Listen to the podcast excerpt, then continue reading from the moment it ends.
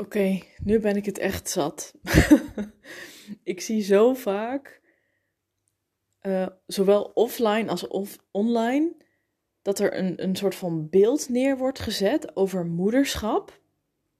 Waarin je ten eerste is het dat het, dat het heel vaak gaat over um, luister naar de gevoelens van je kinderen en wees meer aanwezig bij je kinderen. En hoe kun je ervoor zorgen dat er geen strijd meer is en um, dat jullie uh, meer naar elkaar toe bewegen of meer samen, uh, weet je wel, meer luisteren naar je kind en um, nou ja, heel erg, heel erg op het, op het kind gericht. Um, wat jij als moeder dan zou moeten faciliteren, zeg maar.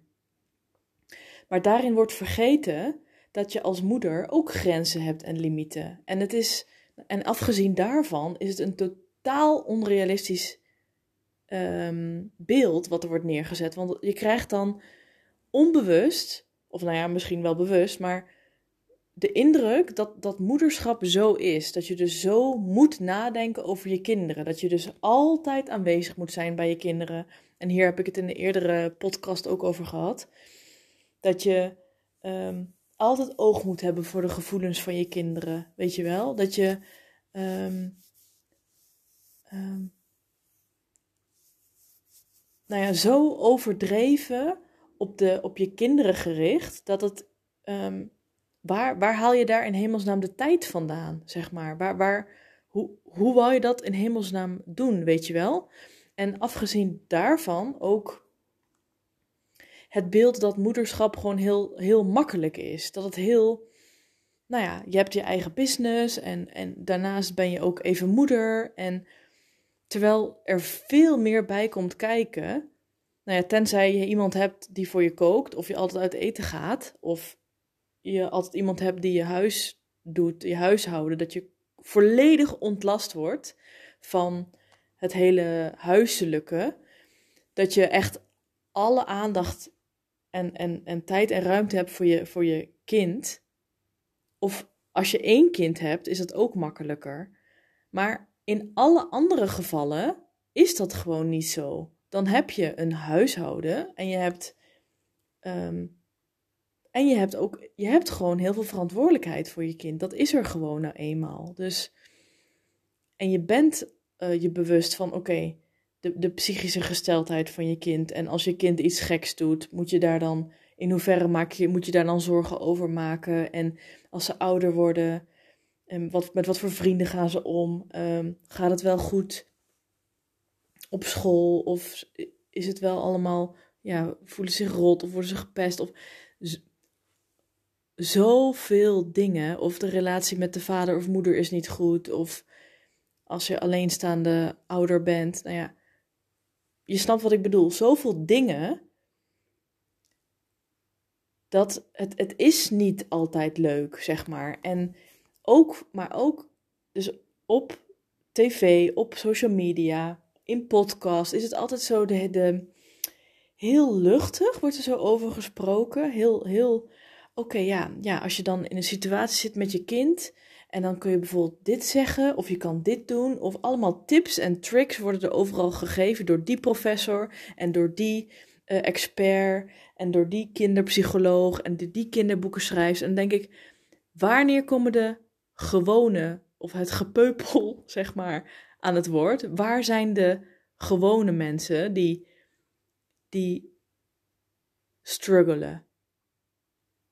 die ook heel veel andere dingen hebben waar ze aan moeten denken. Of die misschien alleenstaande ouder zijn. Of, met, of, of een ouder zijn en een ziekte hebben. Of voor iemand moeten zorgen. Of financiële problemen. Of andere gezondheidsproblemen. Of dat het kind iets heeft qua gezondheid of handicap. Of noem maar op. En dan die mensen, die hoor je niet. Weet je wel? Dus het is een totaal een soort van ultieme ervaring is, um, is het uh, moederschap. En um, nou ja, ook zelfs op het schoolplein heb ik het ook wel eens vaker over gehad, volgens mij. Dat ik denk van ja, wanneer, waar is het, waar is het echte gesprek, zeg maar? Waar, wanneer gaan we nou eens een keer eerlijk naar elkaar zijn? Dat het gewoon fucking vermoeiend is met kinderen en dat het gewoon heel veel energie kost. Ehm, en dat je je kop erbij moet houden. Want uh, ja, als je met je kinderen bent en je gaat andere dingen zitten denken, dan gaat het gewoon mis, zeg maar. Dus waar, waar is die kant van het verhaal, zeg maar? Dus ik was daar zo over aan het nadenken en ik dacht, het klopt gewoon niet. Het is, en, en zoals mijn moeder, zoals mijn moeder zei, je kan niet altijd in een halleluja staat zijn.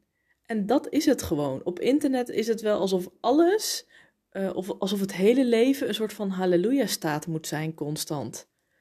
Halleluja, fucking halleluja, dat bestaat niet, zeg maar. Ik bedoel, ja, ik weet dat het bewustzijn van iedereen omhoog is getild, dat we allemaal wakker zijn geworden en dat we zelfbewust zijn en onze pijn hebben geheeld en trauma's en onze shit door hebben, hebben gewerkt met ayahuasca en weet ik veel allemaal. Maar dan nog, dan nog is het echt niet zo altijd. Zeg maar. Maar je hoort altijd maar alleen maar de positieve ervaring. Oh, van oh, ik heb dit inzicht gekregen. Oh, dit heb ik. Ja, maar dat is het niet. Dat is het niet alleen maar, zeg maar. Dat is er ook. En ik snap dat je dat, dat, je dat wil vasthouden en dat, dat, dat je dat altijd wil, wel zou willen hebben. Ja, wie wil dat nou niet? Maar helaas zijn we op aarde gekomen voor wat andere dingen, zeg maar. Dus ik dacht, ik wil, ik, ik wil echt in gesprek gaan met, um, met ouders, met moeders. En dan gewoon een heel eerlijk gesprek. Van hoe is het nou echt? Weet je wel, kun je iets over vertellen? Over wat je meemaakt, wat je hebt meegemaakt. Hoe je leven is. Hoe kun je voorbeeld noemen van hoe moeilijk het is met kinderen? Wat vind je het lastigste met de kinderen? En dan niet alleen maar de negatieve dingen, maar echt. Um, ik bedoel, het hoeft niet allemaal negatief te zijn, maar gewoon. Weet je wel? Laat dat ook zien. En ik, en ik weet zeker, heel veel mensen gaan, gaan zich daarin herkennen. Want ze denken: oh ja, maar hey, dat heb ik ook meegemaakt. En dan, dan voel je wat minder het buitenbeentje. Want als je altijd maar die, die die halleluja dingen ziet over moederschap, dan denk je toch bij jezelf ook van, maar wat ben ik nou voor kutmoeder? Wat ben ik nou voor moeder die, nou ja, ik kan dat allemaal niet, ik doe dat allemaal niet, ik speel niet met mijn kinderen en uh, nou, ik, uh, nou ja, kan, kan eigenlijk ook voor geen meter eten koken, noem maar wat. en, en uh, nou, altijd aanwezig bij mijn kinderen, ja, ik moet ook gewoon werken waar mijn kinderen bij zijn bijvoorbeeld, of ik weet het niet. En dan denk ik ook vaak aan mijn schoonzus in Turkije. Het is gewoon, je kan het gewoon, je houdt het niet voor mogelijk wat zij allemaal doet.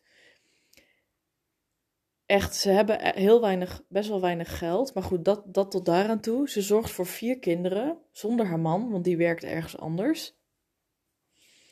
En ze zorgt voor haar moeder. En nou ja, haar kinderen zijn ehm, nou ja, best wel pittig, zeg maar. En dan kun je zeggen, ja, maar het ligt eraan hoe je ze benadert. En nee, is gewoon een heel andere situatie. Dat is gewoon, dat is gewoon super zwaar. Als je alleen bent en, zo'n beetje geen steun hebt van anderen. En dan voor keer vier kinderen moet zorgen en je moeder. En hoe, en hoe fysiek zwaar dat is. En dan. En dan, uh, ja, bel ik haar op of zo. En dan uh, is, ze, nou, is ze hout aan het hakken. Of, of het water van het dak aan het afvegen. Of um, nou, heel veel fysiek zwaar werk. Dat, dat, ik denk dat de meeste vrouwen in Nederland, mezelf inclusief, we zouden dat niet eens kunnen. We zouden dat niet eens kunnen, zoveel werk. Weet je wel, zoveel fysiek werk. kunnen gewoon fysiek niet aan. En dan denk ik dus ook van waar hebben we het over? Waar hebben we het over? Wat doen we nou moeilijk? Weet je wel, over aanwezig zijn bij de kinderen. Denk je dat zij de hele dag aanwezig is bij, bij elke kind? Dat kan, dat, kan niet eens. Je kan niet eens bijhouden. Wil de, wil de een iets, begint de andere te huilen, bij wijze van spreken. Of is er weer ruzie, of is er weer dit, of is er... Nou... dus, nou ja, daarom um, wil ik, uh, ga ik een podcast starten voor, ja, om een meer realistisch en eerlijker beeld te geven over moederschap.